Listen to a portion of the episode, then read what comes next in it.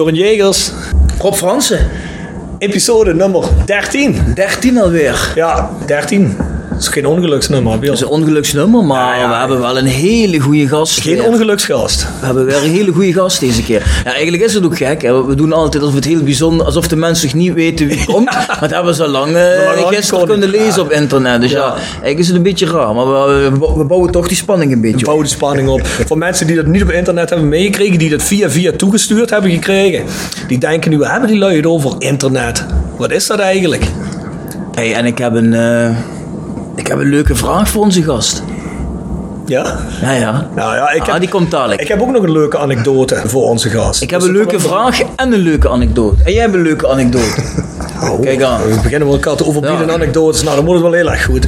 Laten we... Ik, ik ben, mag ik nog wat zeggen? Dat je mag- je mag ik zeggen ben niet in. Lemiers geweest, hè. niet? nou, die was, die was al raak. Nou, als Ja, je... oké, dan kan de helft van de vragen doorgespreekt worden. Wacht even. Hebben we niks meer aan. Hoe laat is het? Half negen? Ja, dan zijn we om- over 20 minuten klaar, geloof ik. Hè? De vraag is natuurlijk wel of dat, of dat geloofwaardig is. Wat Nou, als, als jij nou op het gerechtshof, als jij, als jij met een zaak bezig bent, ja. en als strafverdediger, en er zit iemand die zegt meteen, rechter, ik heb het niet gedaan. Ongeloofwaardig. Dat bedoel ik. Kijk. Mag je beroep op zwijgplicht? eh? Zwijgrecht. hè? Zwijgrecht. Zwijgrecht. Heet dat zwijgrecht? Zwijgrecht, ja. Dus de volgende keer als gearresteerd wordt, mag ik gewoon zeggen zwijgrecht. Zwijgrecht. Of Niet Leo. Leo Stok, die zegt op alles noodwerk 6. Noodwerk 6, oké. Leo is toch, twee keer sporten van het jaar geweest voor Roda, dus dan moet dat kloppen. Ja. Dat is een waarheid. Dat is waar, dat is het doen. Shout-outs aan Leo Stok. Hey, eh, we gaan beginnen met sponsoren. Zeg het maar. Next door Kapsalon, Nagel en Beauty Salon aan de Locht 44A8 in Kerkgro. Ja, ik zie je hebt je nagels laten lakken, hè? Ja, af en toe doe ik er een leuk kleurtje op. En dat- is bij de rechtbank geeft dat een wat, wat bijzonder effect. hè. Ja, roze ook dan. Roosje onder een zwarte toga, dat steekt goed af. Ja, mooi, mooi. Ja, Ja, ja. vind, ik, vind ik prettig. Ja, als je helemaal zelf prettig bent voelt, dat is alles wat telt. Dat is in ieder geval heel kwalitatief mooi gedaan, dus eh, ga er ook een keer heen voor je nageltjes. Dan hebben we Jegers Advocaten. Hart voor weinig, nooit chagrijnig. Jullie hebben gehoord, jullie hebben net al gratis advies gekregen over hoe je je te verhouden hebt als je in aanraking komt met de politie. Toch? Meteen eerst wat je moet doen is roepen noodwerk 6. En vervolgens? Een zwijgplicht. Zwijgplicht. Volgens Rob Frans. En vervolgens geef je het telefoonnummer van Björn Jegers Ja. Ja, En dan juist. komt alles goed. Dan komt alles goed. Dan eh, zitten we normaal bij Hotel Restaurant Veilerhof. Daar zitten we vandaag per eh, hoge uitzondering niet.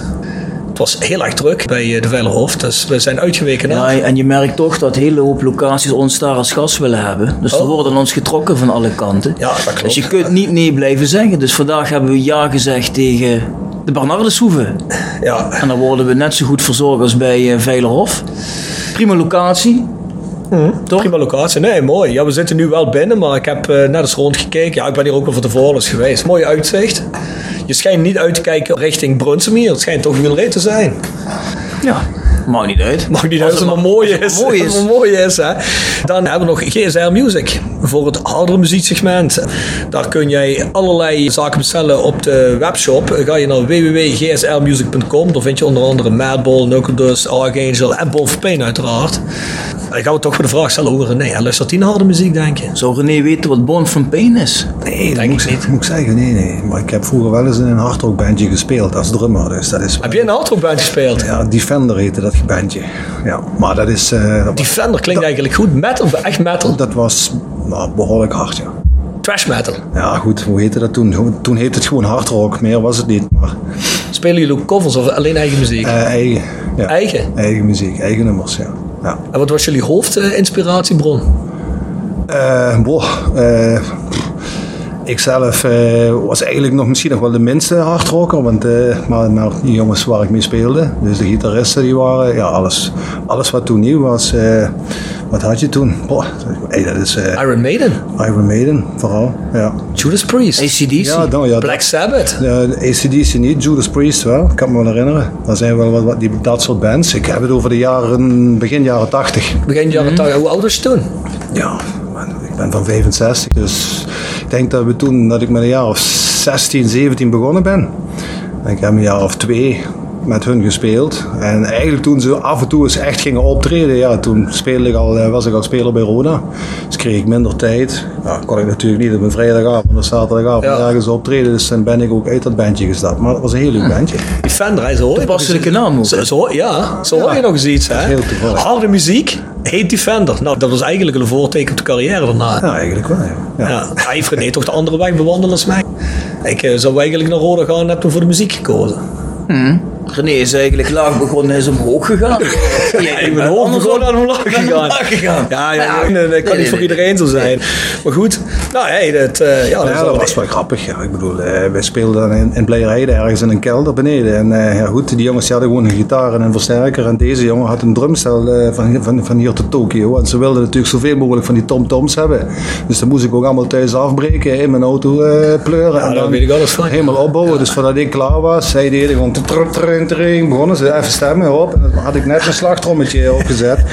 Maar ik moet zeggen, ze hielpen me wel altijd met het eh, naar binnen en naar buiten dragen van het, van het drumstel. Dus dat, eh, dat viel dan op. Dus, ja, ik, ik weet het ervaring dat drummers zijn speciale types. Ja, Weet ik uit ervaring. De, de drummer en de zanger zijn meestal eh, een beetje raar. In mijn, in mijn geval valt dat wel mee. ja dat, viel Heb je dat viel bij mij ook wel mee. Oh, jou is mij nog nooit iets geks opgevallen. Nee, nee toch? Nee, nee, nee. Hey, maar eh, dus als ik iemand nodig heb om te drummen, keer om in te vallen, kan ik jou gewoon vragen. Dan zo, ja, ik weet niet of ik het nog kan. Maar, eh, wat speel je? Ook eh hardrock? Ja, ja, ja, ja harde metal. Of hoe heet het nou? Ja, harde. Ja, ja. Stuur, stuur René ook een cd dan. Ja, toch stuur mij- René krijgt er ook een. Ja, dat is wel leuk. Ja, Wat, dan moet ik- ik allemaal gaan noteren. Ja, want je Ja, bent ja. nog wel Dat, eh, uh, vergeetachtig wat dat Ik wil dat wel eens horen. Ja, ja, ja. Eigen nummers van jullie dan ook. Ja, ja, eigen nummers. Ja, we hebben al een cd of 7, 8. Dus dat uh, dat Nou. is al een tijdje aan de weg. Ja, Nou, dat is wel leuk. ja, ja. ja. Dus stuur maar eens wat. Vind ik wel leuk. Doen we, doen we, doen we. Ehm cd naar de Schier. Cd naar Butcher. Ro- Robert Klaassen zou nog een cd krijgen. Ja, wel alleen als hij een bijnaam heeft. Ja? Ik zie alleen nog mensen met bijnaam. Schier, Butcher, de rest moet maar kijken hoe die hem krijgt. Moet wel een beetje metal klinken, hè, die bijnaam. Schier, Butcher, nou dan... Nee, Robert Klaas krijgt uiteraard ook een. Goed, Bjorn. En met dat laatste trouwens. Ja. eh, Roger Plettenberg. Hey, ken ik nog. Die ken je, hè? Ja, want Nou. die zegt... In mijn MAVO-tijd zat je bij mij in de laatste klas. Ja, dat klopt. En hij wil graag weten hoe je aan de naam Butcher komt. Dat is wel leuk, Rosé. Goh, ja, de naam kende ik wel meteen weer, ja. Nou ja, goed, dat is ooit eens, eh, ik denk, eh, op Kaleide sowieso gebeurd. Eh, daar had je de Noordside. En ehm, ja, ik was toen nog tijd, zeker in het begin, een, eigenlijk gewoon een, eh, ja, een simpele verdediger die eh, zijn mannetje uitschakelde. Af en toe ook wel eens een keer eh fors erin vloog. En eh, ik meen me te herinneren, eh, in die tijd had je een, een, eh, een speler in Engeland, Terry Butcher. Dat was ook zo'n type eigenlijk. Goed, die was eigenlijk nog een stukje harder dan, dan ik, denk ik. Ah, die was keihard, ja. En dan begon er op een gegeven moment begon eens iemand Butcher te roepen in de tribune. En in het begin had ik helemaal niet door dat ik dat was. en op een gegeven moment... Voor wie dacht je dat het ging dan? Of dacht je dat het over supporters zelf ging? Of zo? Ik wist helemaal niet waar het om ging, maar ja, steeds als ik een bepaalde actie had, dan was het wel Butcher, Butcher. En toen, ja, toen, had ik op een gegeven moment had ik het wel door. Ik denk, dat zal ik wel zijn. En dan stak ik altijd die duim omhoog. ja, ja, ja, ja. En eh, ja, dat vond niet dat- zwaaien, want als het dan hij niet was, dan kun je wel zeggen, ik zag die duim, ik zag Ja, iemand staan die ik kende, dat vonden ze, eh, en dat, dat deden ze dus ook regelmatig. En dan stak ik weer die duim omhoog. En dat vonden ze, ja, dat vonden ze destijds eh, geweldig. Want je had het net over de voice van Calais. Ja. Ik bedoel, eh, daar is het volgens mij ooit eh, bij mij mee begonnen. Want eh, ik had toen ook een eigen fanclub. Kijk, Ja. wacht, wow, wow, Volgens wow. mij was dat ook... Dan kom ik even- eh, Je had, een eigen fanzine volgens mij. zelfs, hè. Ah, hou dat even vast, maar ik wil even een bruggetje naar de volgende vraag. Nou, doe jij dat maar. Een vraag aan. René namens Jake B. Leven Butcher. Een jaar of 23 geleden was ik redacteur voor de papieren versie van The Voice of Calais. Kijk. Destijds een klassieke fanzine met heldhaftige gebeurtenissen uit het leven van fans. Ik heb jou thuis bezocht voor een interview. Je liet me toen je tuin met zwembad zien. en, je vertelde dat jouw vrouw het zo leuk vond dat er dagelijks een eekhoorn voor het raam stond. Kun je de luisteraars vertellen wat er met de eekhoorn is gebeurd? Groeten van een groot fan. Butcher, je bent een toffe kerel. JB. Hey, kijk. Weet je dat nog? Kun je dat herinneren? Ik kan me dat wel nog herinneren. Ja, Ja, ja. Ja, maar dat- volgens mij, ik heb die vraag ook gelezen. Volgens mij staat de oplossing onder de vraag. Nee, ja, hoe het met die eekhoorn is gebeurd, dat weet ik niet meer. Ik kan me wel herinneren. Daar kwamen wel regelmatig jongens zo eh, bij mij, eh, bij mij eh, over de vloer. En ik kan me ook wel herinneren dat ze, en dat kunnen ze ook bevestigen, ik had wel wat spullen zo, weet je. En ik, ik heb eigenlijk nooit iets bewaard. Ik had altijd zoiets van, hier jongen, neem dat mee. Dat was een trainingspak of ik meen zelfs dat ik nog een van die gasten een, zo'n jas heb meegegeven. Zo'n badjas van, van de finale. Van, weet je, dat, dat was voor mij allemaal niet zo belangrijk. Bedoel, Mijn herinneringen die zitten hier in mijn hoofd. Ik heb ook niks bewaard. Niks. Nul. Ik heb eigenlijk alles weggegeven. Dat heb ik, en ik denk dat hij ook een van die gasten was die toen bij mij is geweest. Eh, ja, goed, als je bij mij een interview had, dan dacht je, ja, dat wordt een interview van een half uur, maar dat werd dan drieënhalf uur. Want ja, eh, had altijd genoeg gesprekstof en eh, men vond het dan gezellig en ik had ook helemaal geen moeite ermee. Dus eh, ik, kan me dat wel, ik kan me dat wel herinneren, ja. Ja, Jake, René kan zich het antwoord dan niet meer helemaal herinneren, maar hij heeft, hij heeft het antwoord hier erbij getypt. precies. Tussen haakjes. En hij zegt dan, René vertelde mij destijds, niet aan mijn vrouw vertellen. Maar laatst maakte ik de filter van het zwembad schoon. Was die eekhoorn erin verdronken? Klopt. Klopt, ja. Ja, ja, ja. Ja, ja, ja. Dat hij daar nog weet. Ja, ja, dat ja, ja. Dat heb ik inderdaad nooit. Nee, dat heb ik nu. Dat weet ze nu nog niet. Ja, dat klopt inderdaad wat jij dan vertelt. Godverdomme lag dat beest lag in een badje. Ik denk, oh, ga mijn kloting. Dan heb ik hem heel snel eruit gehaald en achterom eh, weggekleurd. nee, die leuke eekhoorn komt helemaal niet meer voor de deur staan. Hoe raar, hè? Ja, dat begrijp ik ook niet. Daar snap ik helemaal niks van. Daar snap ik helemaal niks van. Nee, maar dat is... Hey, dat klopt even. Ja, dat, wist ik dus al niet eh, meer. Hey, maar hey, Nou, we gaan er wel vanuit dat jij je vrouw die podcast gaat laten luisteren. Dus ik, ik hoop niet dat dat een reden is voor eh verscheiding of zo. Nee, eh, nee, dat denk ik niet. Denk En anders bel je maar René, dan regelen we wel wat. ja, ik, ik wou net zeggen, Ja, doe je dat ook? Dat komt helemaal goed. Nou, eh, Bjorn, die doet voor een rekening doet hij alles. Voor wat? voor een rekening. Ja, ja, ja, ja, ja. Zeg, heel even een kleine switch. Naar een minder leuk thema. We hebben het ook net met Gerry even over gehad. Heb de podcast uitnodiging verplaatst, er een beetje later, omdat jij ook de crematie hebt bijgewoond van Hans Fischer. Ja, ja. Uiteraard oerrode JC'er en eh, ja, mogen we wel zeggen, Roda icoon. ja, voor mij het enige echte rode icoon. Ja. ja, vertel eens. Je zei, het is belangrijk geweest voor je carrière. Ja. Net ook met Gerry over gehad. Vertel eens. Ja, ik denk dat Ger een beetje hetzelfde meegemaakt hè. heeft als ik. Twee kerkratse jongens. Er, eh, er waren weinig spelers in die tijd die doordrongen tot het eerste elftal. Eh, ik heb mijn allereerste ervaring met hem was niet zo goed. In, de, in die zin dat ik uit mijzelf naar Roda ben gegaan. Dus ik heb mijzelf aangemeld. Alleen dat was een beetje laat. Dus ik, eh, ik, ben, ik heb me daar iets later aangemeld. Ik kreeg de overschrijving niet meteen. Nou, dat hebben ze uiteindelijk geregeld. En ik kwam, de, ik zie me nog nog komen op de Groene Long, wat nu Gaia Park is. En eh, toen, zei, eh, toen ja, goed, gaf ik Hans Fischer een hand, want hij was de trainer van de B1. Maar ze hadden destijds ook een B2. Dat waren eigenlijk de wat minder goede spelers Ja. toen der tijd. En eh, ja, goed, eh, ik geef hem een hand en ik zeg, ja, kom hier eh, trainen, eh, meneer Fischer. Eh, ja, en dan zei Fischer met zijn karakteristieke stem zo van, ja jong, dan moet ze eens op de B2 beginnen. Ja, dat was natuurlijk een zware domper. Hè, dat ik dus eerst eh, bij die mindere goden eh, moest beginnen. Ja. Eh, maar goed, eh, hij had ook zoiets van, ja, dan bekijken we dat eens een paar weken. En als dat goed is, dan kom je bij mij. En eh, na een paar weken was het zover. Had hij, had hij dat ook gezien, dat ik eh, toch wel iets meer kon dan, dan op de B2 te spelen. Dus mijn eerste ervaring was wat minder. Maar daarna heb ik vier geweldige jaren met hem gehad. En door hem heb ik eigenlijk, eh, mede door hem, samen met Eugène Gerards, ook een trainer die pas overleden is, een bekende coach. Denk ik dat die twee mensen er echt voor gezorgd hebben dat ik uiteindelijk betaald voetbal heb gehad. Dat mag ik wel zeggen. Dus ik heb heel veel aan hem te danken. Ik heb ook nog een jaar met hem samengewerkt als coach van de belofte. Waar hij, hij mijn assistent was. En dan was hij eigenlijk al gepensioneerd. En als je dan zag, eh, na, zo, na een aantal weken, hoe vaak hij mij al tips gaf en, en info gaf over hele kleine dingen. En ik dacht van, godverdomme, die ouwe heeft gewoon gelijk, weet je. Eh, hij was zo... eh, hij had zoveel verstand van voetbal, maar hij probeerde het ook heel eenvoudig te houden. Hij- en, en toch had hij oog voor detail. Oog voor eh, het kopspel, oog voor gewoon de sliding, weet je, de, de, de basisdingen. De passen en trappen, dat was voor hem heel belangrijk. Al die computertrainers, daar had hij helemaal niks mee. Eh, hij probeerde voetbal simpel te houden, maar hij had ook gewoon, ja, je moest altijd zeggen, ja, hij gewoon gelijk. En eh, ja, hij is gewoon een prachtige kerel, absoluut. Dus ik mis hem ook wel. Ik, vind, ik, vond, ik deed me echt wel wat toen ik hoorde dat hij overleden was.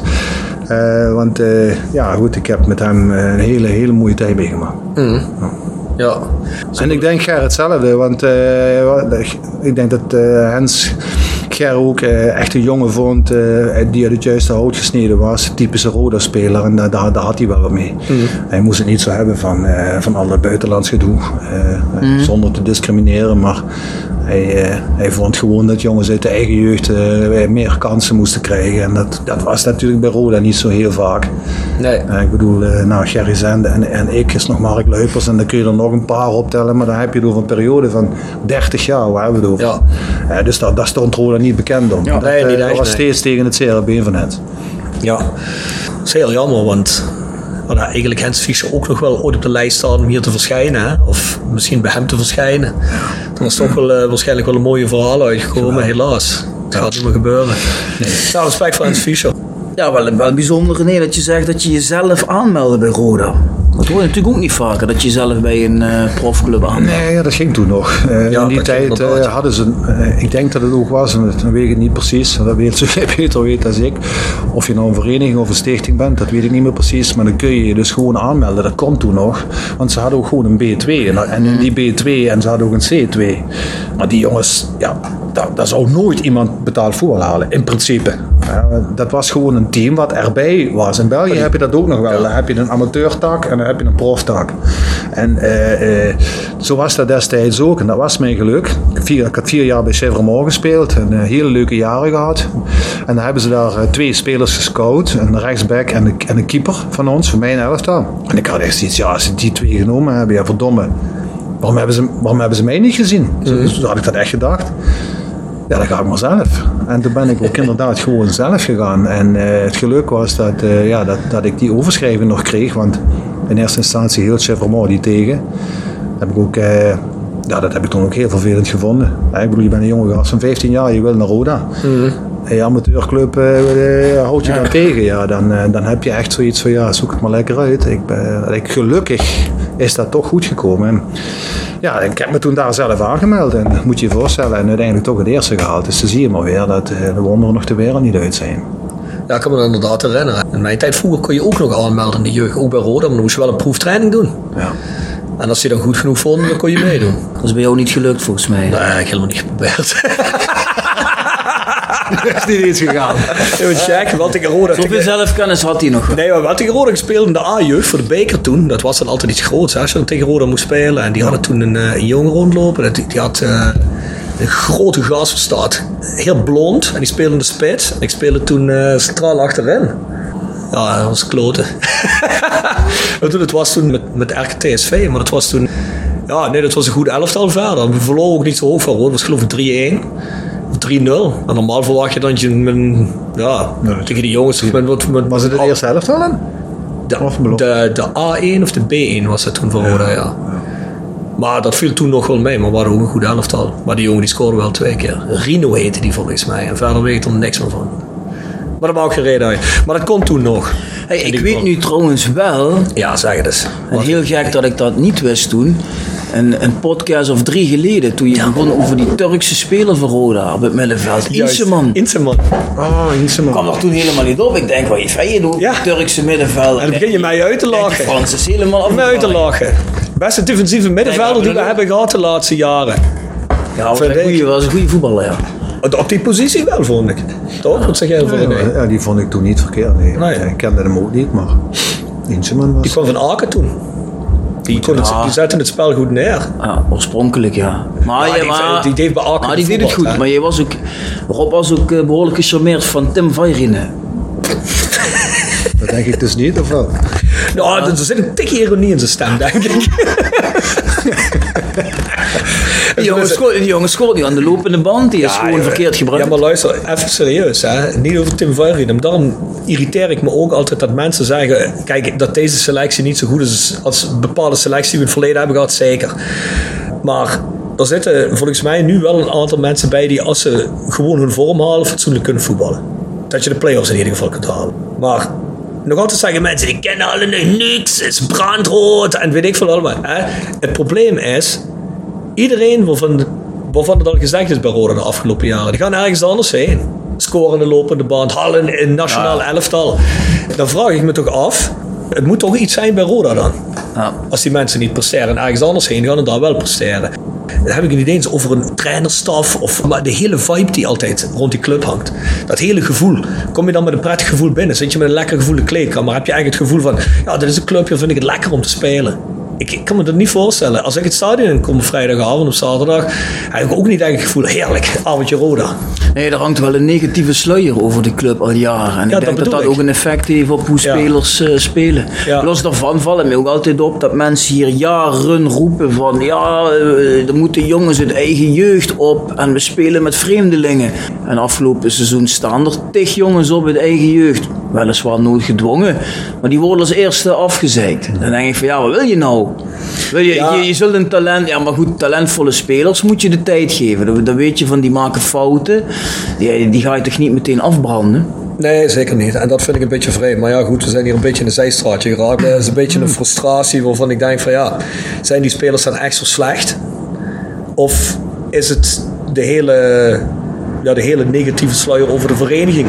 Wat die spelers dan ook er niet toe bijdraagt dat ze niet topprestaties leveren Het ligt ook ligt trouw hoe je het ziet. Hè. Ik, denk, ik denk dat het zo is eh, dat mensen nog menen dat Roda eventjes over twee jaar weer eh Eredivisie speelt en eh, in het linker rijtje staat. En ik denk Champions dat, League. Ja, ik ik denk gehoord. dat iedereen eh, zou moeten beseffen eh, waar je staat. En gewoon als je alleen al financieel bekijkt. En we hebben een paar weken geleden heb ik nog eens een wedstrijd tegen Top Os gezien. Hè? Wat ben je financieel op dit moment beter dan Top Os? Financieel gezien, hè? Ja, denk ik. eh, Ik weet niet over de financiële situatie bij Top Os. Ik weet alleen dat bij ons heel slecht is. ja, maar ik wil maar zeggen, ik bedoel, waar, waar sta je nou als club? Kijk, waar willen we staan is wat anders, maar Ja. waar staan we nou? Kijk, we hebben een stadion wat niet van ons is, maar we hebben een prachtig stadion, laat dat duidelijk zijn. Maar voor de rest, ben, ben je, ben, je, ben je verder weg van, van, eh, dan, dan, dan Top Os? En dat is de realiteit. En Als iedereen dat eens zou realiseren. En als je daar ook naar gaat werken, dan is dat al een stuk minder. Want dan weet je, ik ga met die jonge gasten beginnen. We geven die de kans. We accepteren dat het wat minder is nog. Maar, we- maar daar staat een, hè, we gaan eens een goed fundament maken. We Ja. beginnen eens helemaal met nul. En dat is moeilijk, hè? Want we denken nog steeds, er komt dadelijk weer een of andere financier. En die zorgt ervoor dat we over twee jaar weer Eredivisie spelen. Ja. Ik zou je zeggen, ik denk dat je daar vanaf moet. Maar dat is mijn persoonlijke mening. Ja, ja. Ik bedoel, ik, ik zou willen wensen dat het, eh, dat het niet zo is, maar ik denk dat het niet anders kan. We zitten nu weer te hopen op zo'n Tel Aviv. Nou, dat, is- dat is dus waarschijnlijk ook eh één grote luchtballon, of hoe noem je dat, luchtkasteel.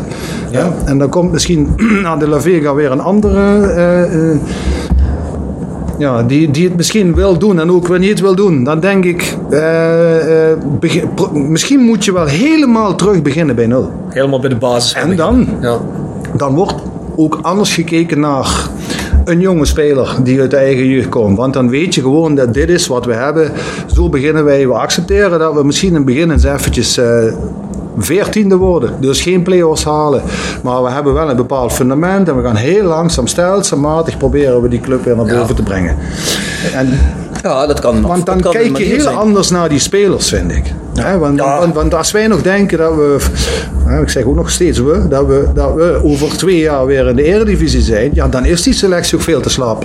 Dan wordt dat ook niks. nou nee, dan is voor- het ook niet Voor goed. de Eredivisie zeker niet. Nee, dan ik is het ook niet goed. En dan Nee. ook, niet, ook niet om straks kans te maken om een keer te, eh, te promoveren. Dan is het niet goed genoeg. Ja, je zou inderdaad van de, e- dat, dat heeft René wel een punt. Van de ene kant zou je denken van ja goed, we zijn eh zonder op een randje van dus ze mogen al blij zijn dat de club nog bestaat. Dus ja, steun die, die jongens die er nu staan en ben blij dat je nog naar Roda kan.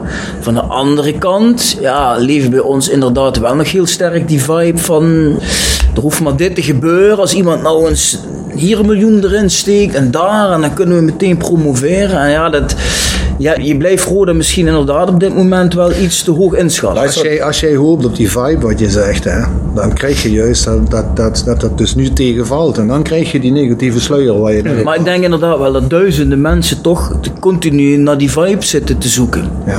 Ja, Toch naar dat- Kijk, dat is ook moeilijk. Als je kijkt waar we in rond 2010 nog zaten. Ja. Dat is nog een heel ander niveau. Ja, toen had je jongens als Vormer, De Lorge, Jonker, Ja, Willem Jansen. niet, hè, in 2009 als, als, je, als je pech had gehad, maar Tuurlijk. had je dan Nou ja, als je bijna eruit. Nee, dat is het zo. Dat is, dat, dat is een feit. Daar Maar ik je denk toch ook al iets gebeuren. Tuurlijk. Wat bijvoorbeeld bij clubs in Duitsland, bij HSV, bij Stuttgart. Je ziet Ja. dat stelselmatig Ja. beginnen die naar onder te gaan. Steeds Ja. minder, steeds minder. Eh, Misschien ook wel gekke dingen doen om het nog te halen. Ja. En uiteindelijk er toch uitvliegen. Ah, ik vind ook zo'n club zoals jij zegt, nu zo'n zo'n HSV, dat is eigenlijk in het groot is dat eigenlijk Roda. Ja. Wat die mensen daar zijn aan het doen. Stuttgart. Ja. Het is belachelijk. gewoon, je ziet, het, je ziet het gebeuren. Ze worden eens een keer eh, 14 en dan redden ze zich nog. Dan redden ze zich nog een keer. En bedoel, wij hebben toch ook met, met Vladeris, met de penalties bij, bij Cambuur. Al in die tijd al stinkgeluk gehad. Laten we eerlijk wezen. Hè. Tuurlijk. Dat, boel, dat ontstaat toch ergens. Dat, Zeker, maar in die tijd, ik denk toen, toen die, eerste, die eerste keer die play-offs kwam, dat dat de eerste keer gebeurde dat Roda echt een degradatie hè, nood zat, dat iedereen dat zag als een uitzondering. Dat iedereen dacht, Incident, van, ja, ja. dat is een incident. dit gebeurt ons nooit. Nee, precies, maar ik denk dat Daar daardoor wel, ik denk dat daaruit wel bij de supporters in ieder geval nog altijd de verwa- die verwachting altijd is gebleven, omdat je eigenlijk toch altijd, tot in de eerste decennia van deze eeuw hebben we nog vaak tegen play-offs aangezeten of play-offs gespeeld voor Europees voetbal. Ehm Nou, bekerfinale. één keer nog. Ja, maar ook dicht tegenaan Ik bedoel na, ook, na 2009. Nee, nee, nee, het eerste decennia. Eerste Ja, decennia ja, bedoel ik, hè. 2011 Tussen volgens mij 2000 waren we nog een keer 2010. heel goed. 2010. 2010, 2010 met, seizoen. met Jonker, eh Scubo, Willem Jansen, Ruud Ja, Vormer, maar- De Vouw. Ja, Zeker. toen had je wel een goed Had je team. een geweldig elftal. Nee, maar wat ik daarmee bedoel is, toen was het altijd nog wel oké. Dus daar komt dat nog altijd vandaan. Het was niet uit de gouden tijd waar jij hebt gespeeld, maar wel, mensen hadden nog wel het gevoel van, ja, dit is nog wel een club waar je iets van mag verwachten. Volgens mij zijn we dat jaar met Harm van Veldhoven na dat moeilijke jaar zesde geworden of Ja, zoiets. En daarna tiende. En Zijn- toen werd het zijn we steeds... door Utrecht uitgeschakeld. Maar dan moet je ook eens even nagaan in die tijd. Hè, eh, dat weet ik zelf, ik was er zelf bij, ik was assistent toen. Dat je praat over eh, dat seizoen 2009-2010 heeft Roda ergens in januari, februari een financiële injectie van de gemeente gekregen van 5,7 miljoen euro. Ik weet niet of jullie dat nog weten, maar dat weet ik dus wel nog. 5,7 miljoen euro heeft de gemeente betaald. hè. 2,5 miljoen om het seizoen van tevoren, om daar de tekorten, eh, om dat aan ons weg te krijgen. Dan 2 miljoen in het lopende seizoen. Daarna zou het nog 8 ton zijn en dan zou het 5 ton. En dan was het geld op. Dat geld, ik heb het heel eventjes over 5,7 miljoen. Hè. Ik bedoel, en als ik dan nog sponsorgelden binnenkrijg, noem maar op, ja, dan kan ik ook nog wel wat spelers binnenhalen. Hè. Dan, dan haal je nog een, een Scoobo nog eens binnen, dan haal je een- dat Jonker binnen, dan haal je, hou je de vol misschien bij de club, dan hou je Vormer nog een keer. Maar laten we eerlijk wezen, het was, het was eigenlijk toen al geld wat van buitenaf moest komen. Er, er werd gewoon enorm veel geld uitgegeven door de club. Hè? Denk jij dan erop teruggekeken dat de knik erin is gekomen toen eigenlijk de grote injecties of injecties, dat de investeringen van Nol Hendricks ophielden? Ja, ik, ik, ik- goed. eh, ik denk dat er heel veel mensen gevraagd is, eh, ook hè, mensen van, van, van intern. Van, ja, waar is het nou volgens jou begonnen? Ja, ik heb daar ook een mening over. Hè? Dus eh, dat, zo heeft iedereen zijn mening. Gerry zal dat ook gezegd hebben, op zijn manier. Ja. Ik denk dat het bij Martin Vergeel begonnen is. Dat is mijn, mijn stellige overtuiging. Ik bedoel, eh, eerste instantie denk ik dat, dat het, eh het Wat zit je dan, 2008 of zo? Eh, daar zit je bij eh, ja, 2008, 9 denk ik. Eerst in eerste instantie het overlijden van Theo Piquet. Dat moet je niet onderschatten. Theo Piquet had een hele sterke band met Arnold Hendricks. Eh, kon ook eh, eh, altijd met Hendricks overweg. Eh, de- hij was ook de enige die eens op de rem kon trappen bij hem. Bij Arnold Hendricks. Dat accepteerde Ar- Arnold ook. Dus toen hij wegviel, toen Piquet wegviel, ja, is er bij Hendricks, denk ik, goed, hij heeft me zelf nooit verteld, maar daar, daar ga ik vanuit, ook wel iets geknakt. Hij is toch een stuk weg. Hè? En dan komt dan Martin Vergeel en, die, en in feite, ja, hoe, die, hoe je het moet zeggen, zet die Hendricks toch wel enigszins buitenspel. Ja, precies. Ah, dat is een blunder van je welste geweest, achteraf gezien. Kijk, en ik snap ook wel, meneer Hendricks heeft niet het eh, eeuwige leven. Hè? Dus Roda zou ooit een keer zonder hem moeten. Ja. Maar de manier waarop hij dat gedaan heeft, en heeft gedacht, ik kan dat zelf wel. Ik denk dat dat een blunder van je welste is Ik bedoel, als- als- wel een als- manier als- zoeken om als- samen te werken Ja, natuurlijk. precies. Ja, maar als dit het alternatief is op, we kunnen het ook wel zonder nul. Nou, dan liever tot in alle eeuwigheid met nul. Want dat, Nee, maar goed, ik bedoel, eh, en misschien zeg ik het nou een beetje cru, eh, maar eh, min of meer is het zo wel gegaan. En, en, en daarna is die verhouding ook nooit meer tussen Arnold Hendricks en Roda ook nooit meer zo goed geweest. Ik bedoel, eh, ik heb Hendrik zelf eh, ja, van 1980 tot eh, 2005 denk ik meegemaakt. Min of meer. Hè. Ik, ik heb dat allemaal ook wel, even zijdelings natuurlijk, je bent speler, je krijgt niet alles mee, maar je weet, ja, je voelt gewoon toch de, de, hoe die man werkt. En, eh, en, en ik heb mezelf ook wel eens gigantisch aan geërgerd, eh, vooral omdat hij ook vaker spelers kocht. En ik eentje uit de eigen jeugd was, laat dat duidelijk zijn. Maar je moet gewoon constateren dat sinds hij er niet meer bij was, dat het gewoon bergaf was is gegaan. En dus zeg ik ook dat Roda altijd tekorten heeft gehad. Dat hoef ik jou niet uit te leggen. Die hebben altijd Nou, schulden gehad, tekorten gehad. Die hebben altijd boven hun staan Ja. geleefd. En Arnold Hendricks, die vulde dat weer op. Of die had weer een geweldige transfer. Ja. Ja, ik bedoel, eh, ik weet in één jaar was het een keer Bob Peters en, en Joost Valgaar. Volgens mij had hij dan in één keer 27 miljoen euro, eh, gulden eh, destijds ja, nou, dat was eh, binnengehaald. Ik geloof Ja. 13 of zo voor, voor Valgaar eh, en 12 of zoiets voor, Bob. ging toen naar Celtic geloof ik. Ja, die ging naar Celtic, Dus ja. daar werd, was, waren Vitesse. gewoon bedragen voor die club. Ja, en dan, Ja. dat was natuurlijk weer een hoofd van Arnold Hendricks, terecht. Ja, maar, maar hij was ook wel weer zo dat hij ook weer een hoop aan Roda spendeerde. Ja. Ja, en, en, ja, en zo'n man zet je dan zo in de kant. Dan denk ik, hoe kun je dat in ook, godsnaam doen? onverslaanbaar op het gebied van scouting. Hè. Ja, die man had een enorm netwerk. En daar ben ik toen achtergekomen in de tijd dat ik in België gewerkt heb. Want toen ja, dan kreeg ik ook te maken met de makelaars, met de managers, noem maar op. En, en die, die kenden allemaal Arnold Hendricks. Die kenden hem allemaal. En die wisten ook gewoon... Hij werd gewoon ook vaak getipt door mensen. En die hadden inside informatie. En die, en die belden gewoon met hem. Luister, nou, je moet nu toeslaan. Nu moet je die speler halen, want die is nu vrij. Ja, en dan had hij hem al gezien. Dus hij wist meteen, oh, dat is een goeie. Die kan ik niet meteen pakken. En dan had hij natuurlijk ook nog cash. Ik bedoel, als hij iets moet betalen, kon hij gewoon betalen. Ja, dan was die, dan was die deal gesloten. En dan kun je je voorstellen dat mensen hebben liggen zeiken over Nol Hendricks in die periode. Ja, maar goed, iedereen heeft toen wat... Hè, er waren genoeg mensen die wat te merken hadden. Oh, Eh, eh. en ik zou je zeggen, ik was er af en toe één van. Eh, Ja. Daar ben ik ook eerlijk in. Ik Ja. had ook altijd zoiets, ja, koopt hij, gaat hij weer Ramon van Haren halen. Weer een linksback. Ja, maar ik ben linksback, weet je. Eh, Ik, ik noem maar wat. Ja, ja, zeker. Dus, Nee, ja, dan, had je zoiets, ja, verdomme, weet je. Ja, dan, dan ging je weer extra, extra eh, tekeer. Want, Ja. ja. je, je, je had steeds het gevoel dat je je moest, dat je, je moest bewijzen. Dan dacht je, ja, maar waarom doe je dat nou, weet je. En dat, dat heb ik ook gehad. Maar Was sportief, was- maar sportief gezien is dat eigenlijk goed. Hè? Dat je elke keer wat moet bewijzen. Tuurlijk. Eh, voor mij is dat ook gewoon hartstikke goed geweest. Kijk, ik heb ook niet altijd gespeeld. Ik bedoel, ik heb bij Wolk wat wedstrijden gespeeld, maar ik heb ook niet altijd gespeeld. Dus ik moest me ook elke keer weer bewijzen. Ja. Omdat er dan weer iemand anders was, of omdat ik even de vorm niet had en dan toch weer voor die ander gekozen werd. Maar goed, Was dat niet, nee, even tussendoor, toen jij trainer werd bij Roda na de degradatie in 2014? Dat Nol toen zei van ja, dan ga ik weer in Roda voor Roda wat doen. Dat het uiteindelijk toch niet van de grond is gekomen. ja, daar had ik eigenlijk wel eh, op gehoopt. Eh, eh, in, in, in die zin, kijk, dat was natuurlijk ook een verschrikkelijk jaar. Je had eigenlijk een, eh, een, eh, ja, je, had een, je had een degradatie, hè. Het, was, het was de eerste keer. Eh, er moest sterk bezuinigd worden, op allerlei vlakken. Ik denk dat mijn probleem als trainer is geweest. Ik had met een selectie te maken die, ja, die, waar de meesten eigenlijk liever geen Jupiler League wilden spelen. Eh, dat was gewoon heel moeizaam. Ik bedoel, eh, het waren jongens die waren eh, eredivisie gewend. Die hadden een salaris wat niet aangepast was door de heer Van de Bunder destijds. Dus ik had gewoon nog met jongens te maken die eh, tonnen verdienden per jaar. Terwijl ik vanuit, ja, goed, vanuit MVV kwam, er waren jongens die hadden, die hadden een minimumloon.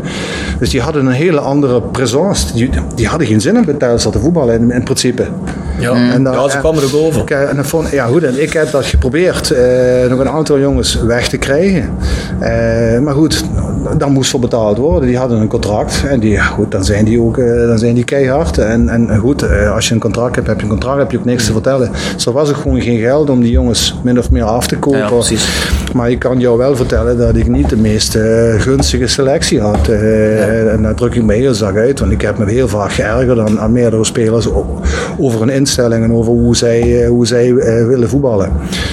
Het probleem voor mij was gewoon dat ik en eh, zeg maar boven mij geen echte top had die mij, die mij echt kon ondersteunen. Ik bedoel, met alle respect voor Wim Koller op dat moment, maar en we hadden Twan van Mierlo, die was eh, sc- hoofdscout, die zou eigenlijk ontslagen worden en die werd dan weer ja, technisch manager, technisch. Maar goed, ze hebben allemaal hun best gedaan op hun manier, maar dat zijn niet de mannen die op een gegeven moment kunnen zeggen: Zo, hè, wij staan achter die coach en we gaan het gewoon zo doen. Dat, dat, dat had ik niet. Ik- Ze moesten het eigenlijk gewoon eigenlijk allemaal zelf doen. Ja, en dat is voor mij destijds eh, ergens op een gegeven moment een brug te ver geweest. Eh, dat heeft me ook een, een zware burn-out gekost uiteindelijk. En een paar maandjes later ben ik van overtuigd dat ik daarom ook een hartinfarct heb gehad. Dat weet ik zeker. dus dat was net voor mij heel zonde. Want ehm, ik had natuurlijk destijds de kans om trainer in de Eredivisie te worden. Als ik gepromoveerd zou zijn met Roda. En daar had ik tien jaar lang voor gewerkt. Eigenlijk lag daar gewoon de finishlijn. En daar ben ik niet overheen kunnen stappen. En dat heb ik mezelf ook wel uh, later ga je dat ook verwijten. En ik denk van godverdomme klootzak had wat langer volgehouden. Ah ja goed. Maar dat was dus die, dus die periode was wat slopend voor dat je. Dat was een ongelooflijk, dat was mijn zwaarste periode in mijn leven. Het was eigenlijk dat je op een gegeven moment weg was als trainer. was echt omdat je die burn-out had. Op. Ik was op en ik heb, uh, uh, ja goed ik zeg al, ik Kijk eens, ik ben toen in april naar Van Mierlo en, en Collas gegaan. Want ja, waar ik bijvoorbeeld die wedstrijd uit bij Sparta, waar je dan 6-0 verliest. Ja, dat had gewoon 12-0 kunnen zijn. Mhm. Ik wist niet wat ik zag. En dan dacht ik van ja, gewoon nee, hoe is dat nou mogelijk? Hoe kan dat nou? Want ik had, daarvoor hadden we nog twee wedstrijden gewonnen. Ik meen uit bij Den Bosch en thuis nog. Geen geweldige wedstrijd. We pakken zes punten. En we moesten drie dagen later naar Sparta. En dan was ik ergens benieuwd van hey, kunnen we nou misschien die laatste stap richting play-offs doen en dan, dan, dan zijn we vertrokken. Kijk, kampioen werden we niet meer, dat wisten we. Maar ik had wel zoiets van, als we nu Sparta, als we daar nou gewoon een goede, partij spelen, dan, dan, kunnen we langzaam met die voorbereiding naar die play-offs beginnen. En dan verlies je dan met 6-0. Ja, daar had ik echt het gevoel hier zijn spelers die, gaan, die, zijn, die zijn de zaken aan het saboteren. En dat had, ja, had je eigenlijk het gevoel dat, dat onze mensen tegen je waren aan het voetballen? Dat had ik wel het gevoel, ja. En dat had ik nog nooit meegemaakt. Dat was voor mij ook een absolute, uh, hoe moet ik het zeggen, dat was zo'n vernedering. Hè? Want ik ben een type, eh, ik had altijd goed met spelers kunnen opschieten. Altijd. In alle elftallen waar ik mee gewerkt heb. Ik heb nog zoveel contacten met spelers waar ik mee gewerkt heb. Dat was, juist mijn, dat was juist mijn sterkte. People manager, met mensen omgaan. Meer kijken dan alleen de voetballer. Energie erin steken. En daar had ik echt het gevoel, ja, er zijn er een paar die zijn mij gewoon hier, uh, daar is, daar, hier is iets aan het broeien, dat kan niet anders. En ik wist in de bus al dat ik, dat ik ging stoppen. In de bus had ik al zoiets, ik ga straks ga ik bus terug of heen? Bus terug. Ik ga Collard en ik ga uh, Van Mierlo bellen en ik ga uh, zeggen dat ik morgen vroeg met hun een goed gesprek wil hebben. En toen, uh, ik, wist, ik wist voor mezelf, dit is nou gedaan, dat kan dus niet meer. Ja, en wat zeiden hun toen dan? Ze dachten nou, ja, ze goed, aankomen ze, of was ze de verrassing? nou, ze, kijk, ik, ik denk dat ik zo overtuigend ben geweest naar hun toe dat ze zoiets hadden, ja nee, het is natuurlijk zwaar kloten dat dit gebeurt, maar we kunnen het wel begrijpen. En uiteindelijk hebben we ook gezegd van ja luister, dan moet, en ik heb toen ook aangegeven, luister, laat het nou uh, onze assistenten nog doen. Uh, misschien kan Ringen er net weer een iets andere wending aan geven. Uh, maar ik kan het niet meer. Voor mij is, ik kan geen 100% meer leveren en ik vind dat ik 100% moet leveren. Dus nou goed, uiteindelijk denk ik ook dat ik voor de club gewoon een goede beslissing heb genomen. Voor mijzelf was het kloten, maar voor de club heb ik een, destijds gewoon een, goede beslissing genomen. Ja. Denk je als je die laatste, wat was het, twee maanden. Ja, meer was het niet meer. Als je het nog uit had gezongen, dat je dit ook had gehaald? Nee, ik denk het niet. Ik had gewoon geen... Denk, nee. denk je niet dat we die play, dat we waren... Dat waren wel players gehaald. Kijk, dat, nee, maar ik bedoel dat we gepromoveerd waren. Denk je dat echt een Regilio aan Rick heeft gelegen dat we gepromoveerd zijn? Nou ja, weet je, soms... Uh, Met alle respect Nee, goed. Uh, weet je, dat voor de time being, hè, op een hele korte tijd, kan het best zijn dat iemand er net iets anders kan aanbrengen. Dat heeft, uh, ik heb dat steeds met Rick en, en, en Regilio besproken van mensen. Gaan nou godsnaam niet precies dat doen wat ik gedaan heb. Als je vindt dat er zes anderen in moeten komen, dan moet je dat doen. Doe dat in godsnaam. Mm. Want als je precies hetzelfde doet, ja, dan had ik net zo goed kunnen blijven. Mm.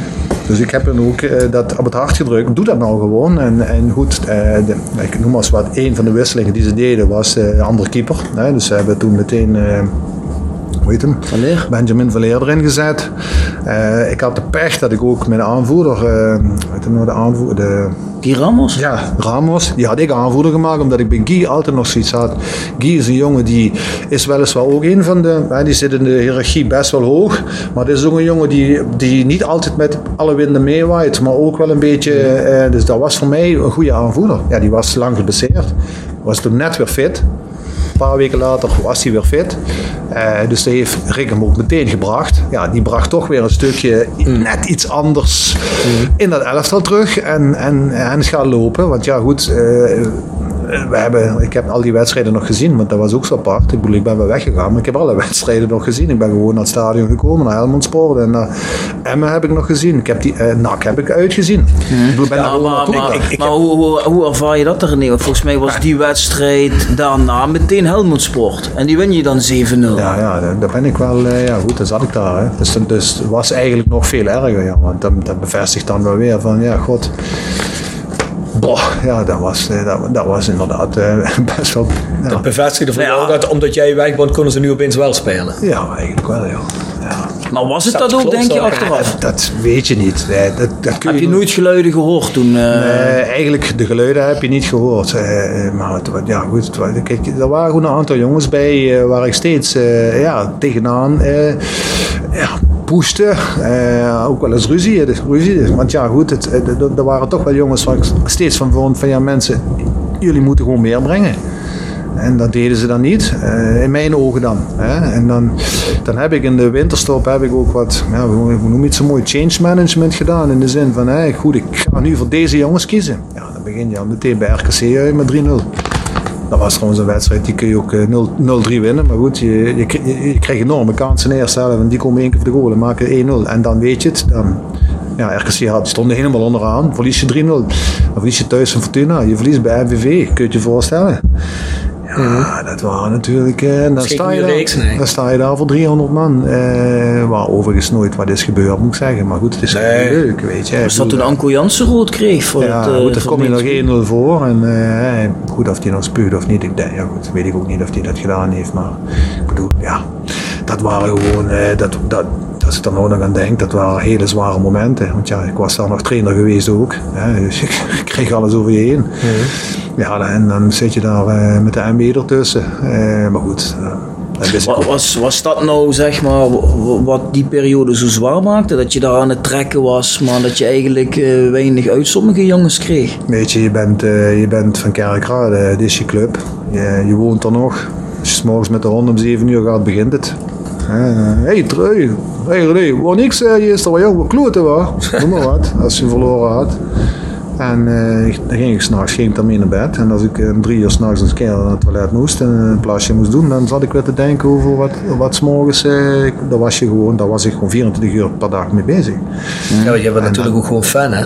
Ja, goed, het was je club. Ja, ik je bent- ja, er ligt ik ben de uitverkorene die, eh, die hun nou eh, in de Eredivisie kan brengen. Maar ik ja. moet ook wel eerlijk gezegd zeggen, en na die degradatie, ik denk dat bij fans ook zoiets leefde van, ja, René Trostad is één van de clubiconen die hier zo lang heeft gespeeld. Dat is een jongen van Kerkrade, dat is een jongen van de club. En eindelijk een trainer van ons, iets wat uit ons geboren is. Ja, dat was- Dus zo heb je dat waarschijnlijk ook waargenomen. Er was ontiegelijk veel, wat dat betreft, wel veel druk, denk ik, ja. Als je nou eens bedenkt, kijk nou eens wat, wat ik heb meegemaakt. En dan pak ik eh, eh, Robert Molenaar, die vorig jaar eh, in de Super League begint. Ja. Hè? Dus ze degraderen onder, onder Molenaar. Even los van het feit of het Molenaar was. Hè? Zo degraderen onder Ja. hem. Hoe heeft hij nou dat jaar daarna beleefd? Hij is er toch gewoon doorheen gefietst. Ja, goed, opeens werd hij ontslagen. Dat kan, niet, dat kan die niet jou beleefd hebben. Dat kan helemaal niet. Dat is, jongens, dat is, dat, is, dat, is, dat, is, dat, is 300, dat is 180 graden andersom. Ja. Dat is totaal, totaal anders. Dat destijds was gewoon was dat nooit gebeurd. Ja. Ze wilden meteen weer terug. Er waren ook heel veel toeschouwers. Dat was ook mooi. Ik vergeet nooit de eerste wedstrijd thuis tegen RKC. Was het RKC? Oh ja, die 3-2.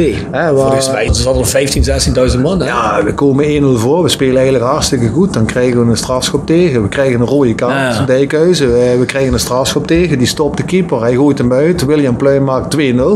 Ja. Dan wordt het toch nog 2-1, 2-2. Zeg ik het, ja, we staan met 10 man. En dan gooi ik Laguerre erin. Vijf minuten voor het einde. Die was eigenlijk niet helemaal fit. Die scoort aan 3-2. Ja, Ik zie dat publiek nog. Dat was, Ja. Wat moet je je eens voorstellen? Daar zaten 14.000 man. Ja. En iedereen, eh, ik zie nog die potten bier zo op dat veld vliegen. Dat was, ja, snap Ja, je? Dat ja. was totaal anders. Dat kun je helemaal niet met elkaar vergelijken. En daar, daar denk ik nu nog wel eens aan. Denk van ja, goh.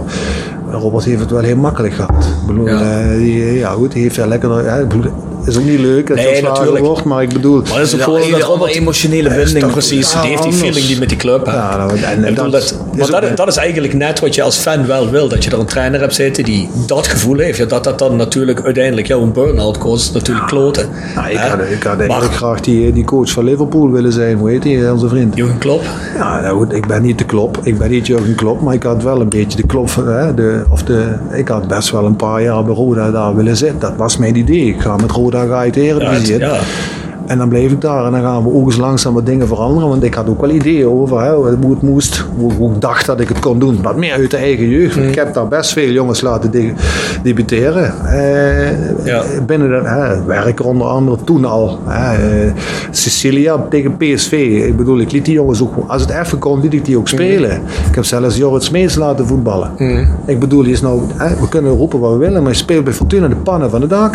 Dat mannetje in de Eredivisie was niet goed genoeg, blijkbaar. Dan denk ik, ook weer zo'n verhaal wat je net zegt. Hoe kan dat nou, dat Ja. zo'n jongen dan bij ons die kans niet krijgt? Hè? Ja. Want ik, ja, hoe het eigenlijk is, hè, wij was erbij en eh, ik, ik, noem maar wat. Ja. Zo'n jongen die, die, die, die, die, presenteert, die, pre- die presteert toch bij Fortuna. Hè? Ja, hij speelt toch in de Eredivisie. Ja, natuurlijk. Denk jij, dat je, zelfs, dacht ik, als ik me goed herinner. denk jij dat, dat, dat dat wel ook nog een keer zou kunnen? Mocht je de kans krijgen? Of zie je dat, zou je dat nooit meer zien zitten? Omdat Ik, je dat nog meegemaakt hebt? Ik zelf? Ja, ja, ja. Nee, ik, voor mij is dit gedaan. Nee, dat is absoluut Dat zou je nooit meer doen. Nee, dat zou ik nooit meer doen. Nee, dat, eh, dan, zou, ik- dan zou ik echt een echtscheiding hebben ook. Maar goed, los van mijn vrouw, dat, maar dat wil ik zelf niet meer. Nee, dat, eh, want eh, ik heb... eh, Dus voor jou is eigenlijk dat seizoen wel een, eh, een droom compleet Ja. op het einde. Je moet je voorstellen dat ik tot vier jaar geleden, hè, tot 2015, eh, de absolute droom had om coach te worden in de Eredivisie. Nou, als het dan ook nog met Roda kon, was het heel mooi geweest. En dan misschien nog wel een paar jaar een andere club als, Ja. hè, als het een keer over is. Want soms, op een gegeven moment is het misschien... Nou ja, dat kan altijd na een paar jaar. Kom je, uit- ga je uit elkaar. Hè? Ik bedoel, Ja, eh, je kunt ook goed uit elkaar gaan. En dan, oké, dan kies je nog eens van een andere club. Misschien, misschien nog wel eens een buitenland of zo, weet je. Dat, daar zat je toch aan te denken. En dan eh, doe je dat tot een jaar of 60 en dan, eh, dan, heb je, Mhm. dan heb je genoeg ervan en dan is het goed geweest. En dan heb je, dan heb je het goed gedaan, dan heb je het leuk gedaan. Ja, en dat spat dan in één keer uiteen. En, dat, is, en dat, dat gevoel is ook nooit meer gekomen. Ik bedoel, eh, ik ben in april gestopt. En heb in augustus een hartinfarct gehad. En wilde eigenlijk toen al, had ik al eigenlijk al besloten om, om het voetbal eh, achterwege te laten. Omdat ik nog voor de hartinfarct, want ik wilde eigenlijk een autorijschool beginnen. Ja. Ik, had gestudeerd, ik, ik was al begonnen met de cursus. Ja, vond ik een rare carrière switch. Nou ja, goed, nee, ja, wat is raar. Nou, ik, ik, eh, ik had, ik had Laat ik zo zeggen, opmerkelijk. na die burn-out heb ik, eh, of eigenlijk tijdens die burn-out, op vakantie geweest. Eh, dat was de slechtste vakantie die ik ooit heb gehad. Want ik stond 's morgens op en dan zat ik aan een bijtafel en na één minuut wilde ik weer naar bed. Dat herkende ik helemaal niet in mezelf, maar ik, ik, ik was gewoon bar slecht. En toen heb ik na, de, na die vakantie thuis eens goed, eh, dat wil ik je best vertellen, met mijn vrouw eh, achterom gezeten en het zonnetje scheen. Ik zeg zo mee, dan wil ik toch eens even met jou eens even een paar, eh, een paar uurtjes gaan babbelen over wat ik ga doen. Nou, dan heb ik dus alles eruit gegooid. Dan heb ik ook eens flink gehuild, mag je ook weten. En toen heb ik gezegd, ik stop met voetbal. Ik ga hier wat anders doen. En dat was net alsof het met 10 kilo lichter was. Ik had gezegd, ik ga wat anders doen. Oeh, Dat is eruit. Zo. Ja. En een week of twee later, toen eh, sprak ik eh, een eh, collega van mij, of een, ja, een vriend van mij, Maurice van Beun, trouwens trainer van, van Groene Ster. Die kwam ik tegen in Kerkrade. En jong, wie is het, wie is het er zo? Zei, ja, ik, heb besloten dat ik stop met voetballen. Oh, dat niet, weet je wel hoe dat gaat. Ja. En toen reed toevallig een autorijschool voorbij. Ik zeg tegen Maurice, ik klop hem zo op de schouder. Zeg, Maurice, ik kan nog altijd een rijschool beginnen, jong. En toen reed ik naar huis met mijn fietsje. Ik denk, godverdamme, autorijschool. Wacht eens even. Hey, is best een leuk beroep. Hey, ben je ook coach? Ja, je hebt met jonge mensen te maken. Je gaat samen kijken dat rijbewijs te halen. Ik vond van mezelf dat ik aardig kon autorijden. Ik denk, godverdomme, ik ga toch eens op het internet eens kijken of daar, eh, of daar een cursus voor is of zo. Ja, en toen heb ik gekeken en bij de eerste beste eh, eh, school, eh, dat was de, de Auto-academie in Breda. Dan kon je dus twee dagen per week kon je daar de cursus volgen. En dan kon je binnen een maand of tien kon je dus afgestudeerd zijn voor eh autorijlessen. En ik, eh, ik ben daar begonnen. Vlak voor mijn hartinfarct. Begin augustus begonnen. Eh, boeken thuis gekregen, noem maar op. En ik was al bezig met een website. Ik, ik was al bij, bij- mag ik natuurlijk geen reclame maken, bij een plaatselijke autofabrikant eh, eh, bekende bij Roda, was ik, eh, had ik al geregeld dat ik daar een auto kon leasen. Ja, dat was, ik was helemaal bezig met dat, met dat idee om, om te beginnen. En eh, ja goed, en toen gebeurde dat, eh, kreeg ik het hartinfarct. En eigenlijk is daarna dat, dat lekkere gevoel van, wauw, weet je, ik ga dat doen. Dat is niet meer gekomen. Ik heb toen heel lang gedacht, wil ik dat nou nog wel doen? Los van het feit dat ik eerst weer revalideren moest, want het is best een lange revalidatie geweest. En eh, ja, ik had zoiets van, niet, wil je dat nog wel? Boah, dan moet je weer beginnen, die cursus. En dan ga je, ga je weer die stress op de hals halen. Je moet weer beginnen met één klant en dan moet je alles gaan opbouwen en noem maar op. En het is niet meer gekomen. Maar toen ben je wel weer de voetballerij ingegaan. Ja, toen ben ik eh, door Roda, en dat is, wel, dat is dan wel weer leuk. Dat is ook wel mooi, vind ik dan, van de club. Die belde mij op of ik iets wilde doen bij Roda JC midden in de maatschappij. Oké, eh, René, eh, zou je het leuk vinden om daar wat te doen? Ik zei van, ja god, eh, dat vind ik eigenlijk best wel leuk om weer eens te beginnen. Kom ik weer zonder mensen, want ja, ik had niks. En ik was ja, eigenlijk nog gewoon ziek gemeld bij de UWV. En ik had zoiets van, goh. En dan ben ik daar gewoon eens een middagje begonnen. Maar ik merkte wel al als ik zo'n middag met die kinderen was geweest, als ik iets eh, op school was geweest, wat verteld had, of als ik met het G-team getraind had, was ik kapot. In het begin was ik echt moe. En ik merkte gewoon, ja, nou, week na week ging dat steeds beter en ik vond dat ook hartstikke leuk. En toen, eh, einde, seizoen, zeg maar ergens in mei 2016, toen vroegen ze mij eh, bij Roda van, ja René, eh, er is een functie vrij bij, bij de jeugd, zou je misschien nog eens eh, iets met de jeugd willen doen? Ik zeg, ja, hoe zit dat dan? Ja, dat en dat en dat zijn de ideeën. En toen had ik zoiets van, ja, goh. En dan kreeg ik nog weer, daar heb ik ook gezegd, dat wil ik wel doen. En toen heb ik ook daar een contractje voor getekend voor twee jaar. En zo is het eigenlijk gegaan. Dus ben ik ook alweer begonnen, maar wel op een ander niveau. Dus hè, min of meer met de jeugd. Ik heb hè, onder andere Mart Reemans, die jongens, en, en, en eh, die, heb ik toen, die had ik toen bij de A-jeugd. Eh Pepijn Sluister, dat soort jongens, die, die, hadden wij, die had ik toen. Soeren. Eh, dus dat was heel leuk op zich. Alleen eh, het, het einde van het seizoen werd. eh, toen- wilde Janis Anastasio mij weer bij de eerste hebben. Ja, toen had ik wel weer zoiets van, jongens, moet ik dat doen? Maar ja, goed, ze vroegen erom. Dan heb ik dat dan toch gedaan. Dan kruipt het bloed toch weer waar die gaan kan. Ja, als assistent. eh, ja, toen werd Jan en zo nog ontslagen. Toen, eh, toen is Huub nog gekomen. Toen wilden Ja. ze eerst nog vragen of ik en Rick Plummet wilden doen. Ik heb toen meteen mensen, ik ga niet doen. Ik ga die twee wedstrijden niet coachen. Ook, nog- ook nog die wedstrijd. Ja, ja, tegen MVV. Nee, ik luister, ik meteen mensen, dat ga ik dus niet doen. Dus eh, toen hadden we al zoiets van, ja, goh, zou Huub het niet willen? Als Huub het wil, dan willen wij hem wel assisteren. Ja. Dat hebben we ook gedaan. Dat was ook prachtig trouwens. Die twee weken waren fenomenaal. Dat was dan weer dat oude gevoel, want ik heb hem als trainer gehad. En vertel eens.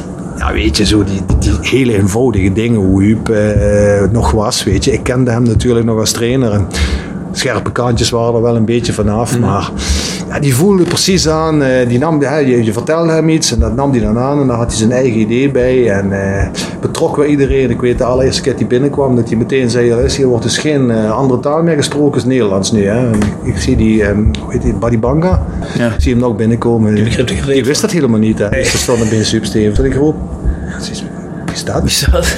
Ja, Huub Stevens zei zo. Hè? En, eh, we gaan gewoon Nederlands praten. Hè? Ja, die, die, die begreep het Maar Huub heeft nooit een woord anders gepraat dan... Dat was wel mooi. En eh, ik, ik weet nog goed dat, die, dat, dat, dat er een speler bij was die, die eigenlijk vond dat hij moest spelen. En, en, en, en in zekere zin vond Huub dat ook wel. Maar hij wilde hem eigenlijk nog een beetje laten spartelen, weet je. En, ik- en ik wist dat. En ik had met die speler ook wel eens gesproken. Van, jong, train nou gewoon eens. Ga nou gewoon eens hard trainen. Dat weet ik zeker. En dan moet je ook, boet bij de visje, dan moet je Ja. de naam noemen. Ja, nee, dat eh, doen we dan niet. Jammer. Ja, goed, eh, als je een beetje nadenkt, dat was linksback. Hij heeft tegen NV uit heeft hij niet gespeeld. Toen speelde van Peppe, geloof ik. En thuis speelde toen weer, hoe heet die, donkere jongen, die kwam van België. Och.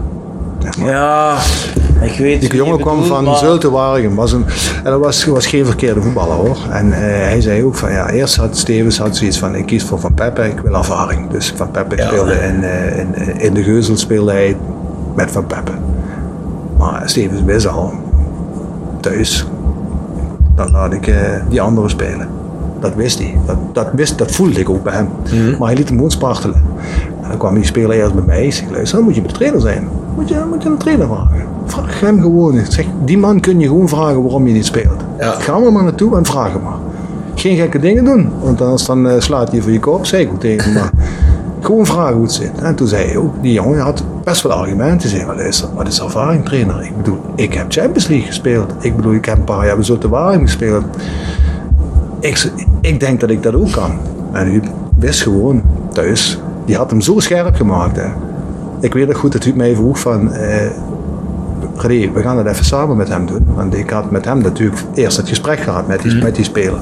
Dus ik zeg ook van, eh, op een gegeven moment, eh, toen zei ik zo van, luister kerel, dan gaan we niet meer zeuren. Ben je nou bereid om eh, thuis, eh, al is het 10 minuten, verroden alles te geven wat er is, of niet? Ja, ja. Oké, zo Huub, dat is het goed. Zeg, anders had ik je er hier ook uitgeschopt. Dat was dan Huub. maar de dag daarna kreeg hij gewoon te horen dat hij speelde. Ja. En dan had hij natuurlijk zo ver, dat was Huub. Dat, eh, zo, je weet dat ook nog wel. Dat, ja, dat was geweldig. Hoe hij, dat, dat vond ik weer typisch Huub. Ja. Eh, even die jongen laten spartelen. eh, eens kijken wat voor vlees hij in de kuip heeft. En toen had hij toch wel bewezen dat hij moraal had en dat hij dat wilde doen. En ook oprecht wilde doen. Dat was voor Huub genoeg. Dan had hij zoiets, ja, dan laat ik hem de hele wedstrijd spelen. Dat heeft hij ook gedaan. En eh, ja, goed, toen wonnen we met, eh, met 1-0. Die wedstrijd waar Daryl Werker die Ja. bal binnenkomt. Ja. En uh, kon hem eigenlijk alleen zijn naam kwijt. Ja, wie is het ook alweer? Die voor tegen LVV spelen, de linksback. Dat, eh, de donkere jongens eh, van Zulte Waregem. Bij LVV speelt er van Peppe. en een keer groter Huupie hem. eh Och, hoe heet hij nou weer? Nou goed, doet er ook niet. Ja. Is, is misschien iets voor, eh, voor de luisteraars. Komen we over een paar weken weer op terug, dat is er ons ingevallen. Ja, precies. Ja. We hebben er natuurlijk ook een hele hoop zien komen en gaan eh, in de periodes. Dus, eh, Gerzende gaat even googelen, dus die vinden het dadelijk wel. die wedstrijden tegen MVV was voor jou nog extra. Toch wel stresserend, omdat je ook eh, bij Maastricht toch eigenlijk wel een heel succesvolle periode trainer hebt gehad. Hè? Ja, ja, och, weet je, eh, ik- heel gek. Toen, op het moment dat ik begreep dat Huub eh, erbij was, eh, had ik ook zoiets van ja. Dan kan ik lekker vanuit de achtergrond de er vanaf? met Rick hem assisteren. Ik weet nog dat Huub nog ruzie had met een supporter. Ja, dat- het hek dan, ja, ja, ja. Dus, dus wij wisten gewoon, ja, aan ons komt gewoon niemand. Eh, de Huub die gaat daar gewoon dat was- Ja, ja. ja, Huub gaf heel veel eh, rust. Eh, dus, dus ik heb dat ook eh, heel makkelijk kunnen, kunnen doen. Eh, Maar jij had je- maar zonder Huub had, het ook, had ik dat ook nooit gedaan. Nee. Maar op basis... Ja, ik denk ook op- niet dat op het basis- zonder Huub goed gekomen was. Nee, ja goed, dat weet je nooit. Maar Ik weet nog goed, die training... we, wa- we waren ook niet goed in die wedstrijd. Nee, maar wel net, net denk ik, dat stukje extra. Kijk, we hebben daar natuurlijk al wat... ge- In eerste instantie waren we eigenlijk goed. Dan Ja. kunnen we na een kwartier kunnen we ook 2-0 voor staan. Ja. Daarna hebben we een fase waarin die spits van hun toch twee keer alleen hè, richting keeper loopt. En hij veel te onrustig is en die bal naast schiet. Toen had ik wel iets verdomme als, als ze daar gescoord hadden. Maar goed, dat is niet gebeurd. En eh, op basis van die twee wedstrijden hadden we ook... Hè, het waren twee bar slechte wedstrijden eigenlijk. Met weinig kansen. Thuis, thuis had- hadden zij ook wel het beste van het spel. Ja, hè? het is dat die Kuipers... Ja, ze hebben eh, twee keer het beste in het spel gehad voor ik hoor. die Voor de, pakt daar voor twee wedstrijden gezien. is dat Nick daar die, die rode kaart pakt. Ja, toen was het wel voorbij, ja. En eh, toen, ja, nee, nee, dat waren natuurlijk ook al wedstrijden. Dat had het ook anders gekund. Maar goed, met u was dat wel, ja, ik weet nog goed, dan weet jij die dan ook van ouds eh, voorbereiding. Dan gingen we dus even op afzondering en dat had hij dan weer geregeld. Dat waren eigenlijk de bekende plekken waar we, ja, waar daar Ger en ook Marco nog eh, bij zijn geweest. Eh, dat voelde zo vertrouwd, ook voor mij moet ik zeggen. En, ja, we hebben echt twee weken geweldig met elkaar gewerkt. Ja. Ik kan me dus ook voorstellen, eh, zeker nu als je Ger eh, hoort praten over ODC 2.0. Ja goed, dan is zo'n man ook, die kan van zo'n enorme waarde zijn voor die club. En ook al komt hij maar één keer per maand is voorbij, weet je. Ja. Gewoon dat hij er is en dat hij daarachter staat. Dat, eh, dat, Ja, dat zijn, dat zijn mensen eigenlijk quasi buiten de deur worden gehouden. hè. Of dat er helemaal niet wordt gekeken als een mens hè, door een huidig Nou, ik weet, bestuur. ik, ik Ja, maar je, hebt er moeite om het te zeggen, huidig bestuur. Ja, maar wie, wie is het Ja, bestuur? ja, Wie precies. zijn dat dan? Ja, nee, maar... Ik, ik, ik, ik kan ze niet eens noemen. Ik kan ze echt niet noemen. Wie zijn dat dan? Ja, ik, kan alleen maar, ik kan alleen maar noemen wie de eigenaar is van de club. Ja, Voor de rest weet ik het ook niet meer. Ja, ja, nee, maar snap je, dat Zeker. zegt eigenlijk genoeg. Nee, maar er, er Maar was jouw contract daarna afgelopen? Eh, nee, ik had daarna nog een jaar te gaan. Eh, alleen eh, eh, toen kwam er een nieuwe coach. En eh, heeft waarschijnlijk besloten dat ik niet zijn assistent zou worden. Dus ben ik weer terug naar de jeugd gegaan. Een jaar. En daarna liep het contract af. En ja, goed, toen is Roda ook gedegradeerd in dat jaar. Ja, dan kan een beetje, het, hè. dan kom je in zwaar weer en dan eh, konden ze mij eigenlijk niks meer uh, niks ben je naar Lierse gegaan, toch? Ja, en toen werd ik een paar weken later gebeld door een club waar ik een aantal, waar ik tien jaar geleden ook was begonnen. In de eredivisie trouwens in België. Dat was de hoogste klasse toen nog tijd. Mm. Uh, dat vond ik toen heel mooi dat die club meebelde, want ze waren failliet. We zijn opnieuw begonnen. Mm. We waren dus gefuseerd. En ze, hadden, ze zagen in mij de coach die dan weer langzaam die club uh, uh, op de rit kon krijgen. Want ja, ik had eigenlijk geen zin meer in meteen zo'n scenario waarin je kampioen moet worden, noem maar op. Nee, de bedoeling was, oké, we gaan gewoon rustig beginnen. We zijn blij dat we wel leven. En jij, jij krijgt al die tijd. Je gaat gewoon het contract voor twee jaar tekenen als je dat wil. En uh, we hebben het team staat. Dat is gewoon de, de voormalige amateurclub. Daar ga je het mee doen. Verder geen punt. We gaan eens kijken. We gaan dat jaar proberen uh, in ieder geval financieel uh, overeind te blijven. En dan gaan we daarnaast kijken hoe het, uh, hoe het zich verder ontwikkelt. Nou ja, dan had ik zoiets van, nou ja, als een club mee dan wel hebben wil. En ik, dat is ook een hele leuke volksclub. Mm. Die helaas ook altijd naar de knoppen geholpen wordt door buitenstaanders. Maar de club zelf.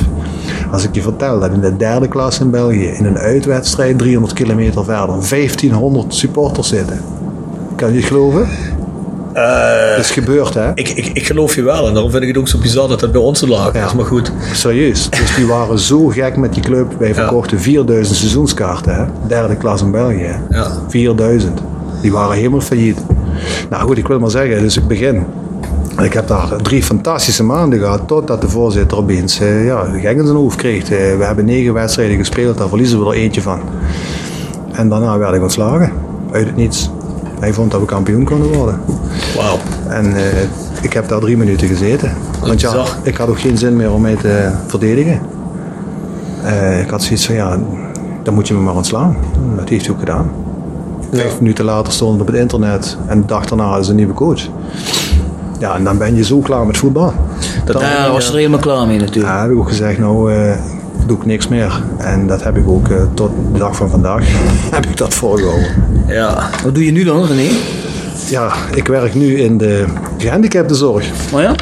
Ik werk... Uh, ik sport met ouderen die ja, dagbesteding krijgen. Dus ja, het is een geweldige job. Het is heel anders. Maar ik moet zeggen, omdat ik ook echt gezegd heb dat ik ja, principe mij absoluut niet meer kan motiveren in in in de profvoetbalwereld. Om daar mijn geld in te verdienen. zoek je wat anders, ja, dan ben je 54 jaar, probeer dan maar eens wat te vinden. Uh, dus het heeft ook heel lang geduurd. Ik heb ook heel veel gesprekken gehad met mensen. Dus wat het voordeel, hè. Je, hebt, je hebt een netwerk, je, je, belt eens met die. Uh, daar heb ik ook, ben ik ook altijd uh, aan tafel kunnen gaan. ik wilde gewoon eens weten wat dan mijn opties kunnen zijn, hoe mensen over je denken, dat je een beeld hebt van wat wil je nu. Nou, uiteindelijk had ik zoiets, nou, ik vind het fijn om met mensen te werken, mensen ook te coachen, als het kan, te sporten. En interesseert mij dan niet of je nog acht jaar bent of tachtig.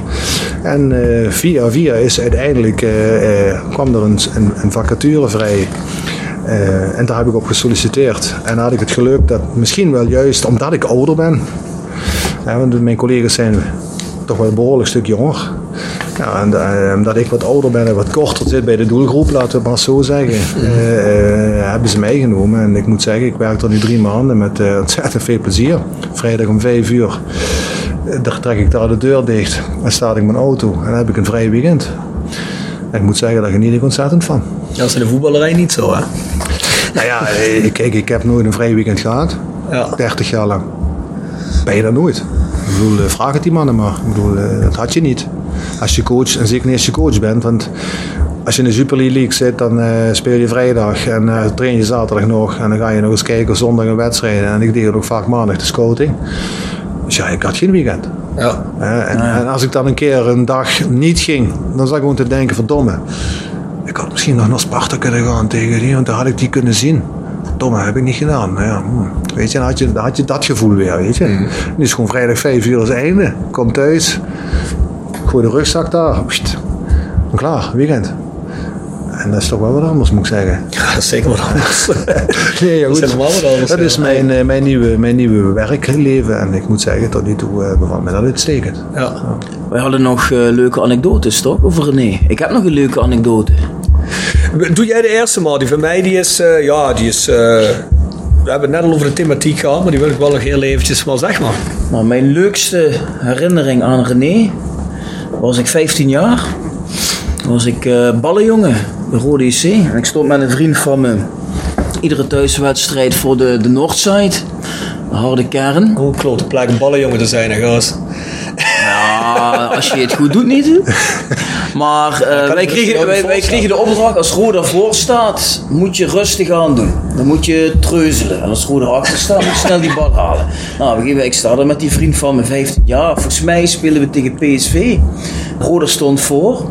En die bal stuit op een gegeven moment naar mij. En die Erik Gerrits komt op me afgerennen. En die wil die bal pakken. Maar net voordat die Gerrits bij me is, gooi ik die bal op de grond, over hem heen. Dat te vriend veel van nodig, hè? Die is niet zo groot, hè? Naar die vriend van me. Dus die Gerards pist, die draait zich om, die rent naar hem. Die staat 20 meter En voordat hij bij mij, gooit hij die bal weer naar mij toe. Over die Gerards heen. Hey, dus die Gerards helemaal over de zijk. Ik denk, die slaat je dadelijk op het gezicht. En dan weet je, die scheids fluit af. En René was toen aanvoerder. En die riep René bij zich. Moest die komen? Nou, stond René met die scheids te praten. En op een gegeven moment, ja, na een halve minuut, komt René zo naar me toe gerend en zo. En eh, weet je hoe die altijd deed met de duim? Zegt hij zo... "Hey, Ik moet van de scheids zeggen, niet meer doen, maar klasse jongens.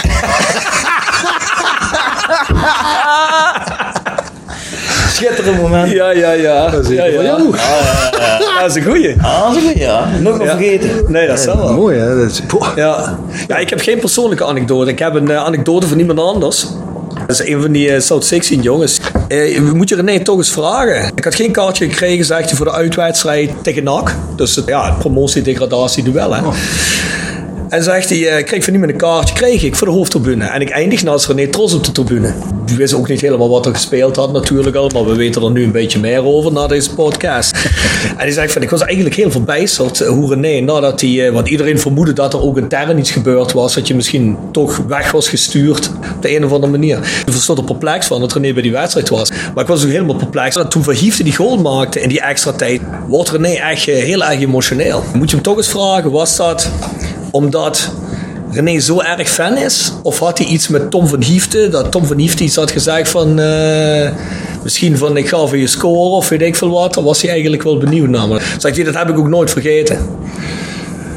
Nee, dat was, eh, ja, dat was toch wel een stuk emotie wat ik, eh, wat ik had. Ik bedoel, eh, ja, ik vond dat zo geweldig. Dat, ja, weet je, dat, dat hele verhaal trainer, ja goed, dat had, ik, dat had ik op een gegeven moment moeten afsluiten. Maar ik, ik, ik zeg het, ik ben eigenlijk naar alle wedstrijden gaan kijken. Ik bedoel, Ik had ook geen ruzie met iemand of zo.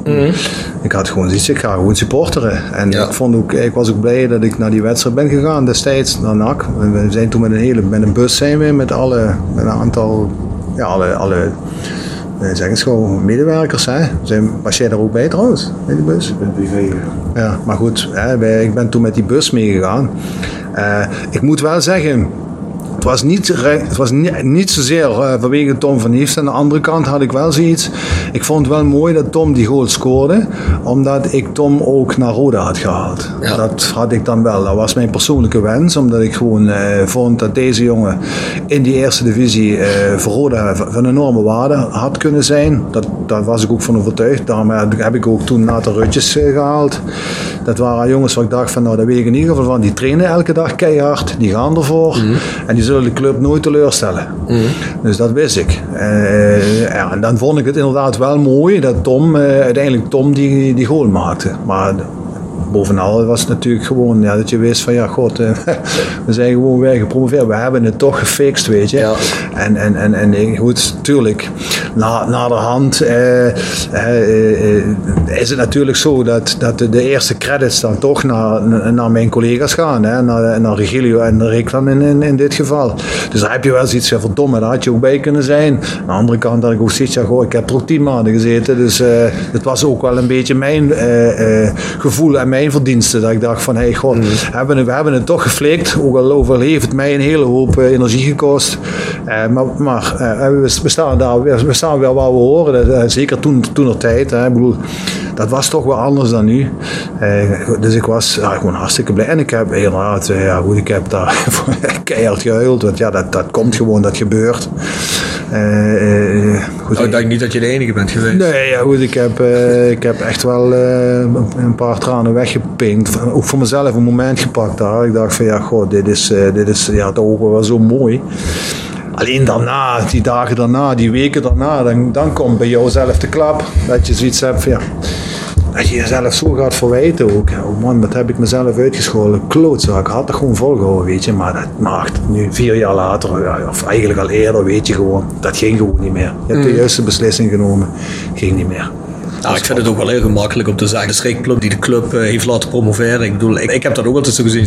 René Tros heeft er ook tien maanden gezeten. Dus ik bedoel, het gaat toch geen alleen de verdienste zijn van iemand die de laatste maand doet. Ja, alleen maar Kan moet je voorstellen, het is gewoon enorm zwaar. Want kijk naar alle respect daarvoor. Rick heeft het natuurlijk ook zwaar gehad. Ja. Daarna. Die heeft ook een, een tik gehad. Hè, ik bedoel, eh, er komt een nieuwe coach.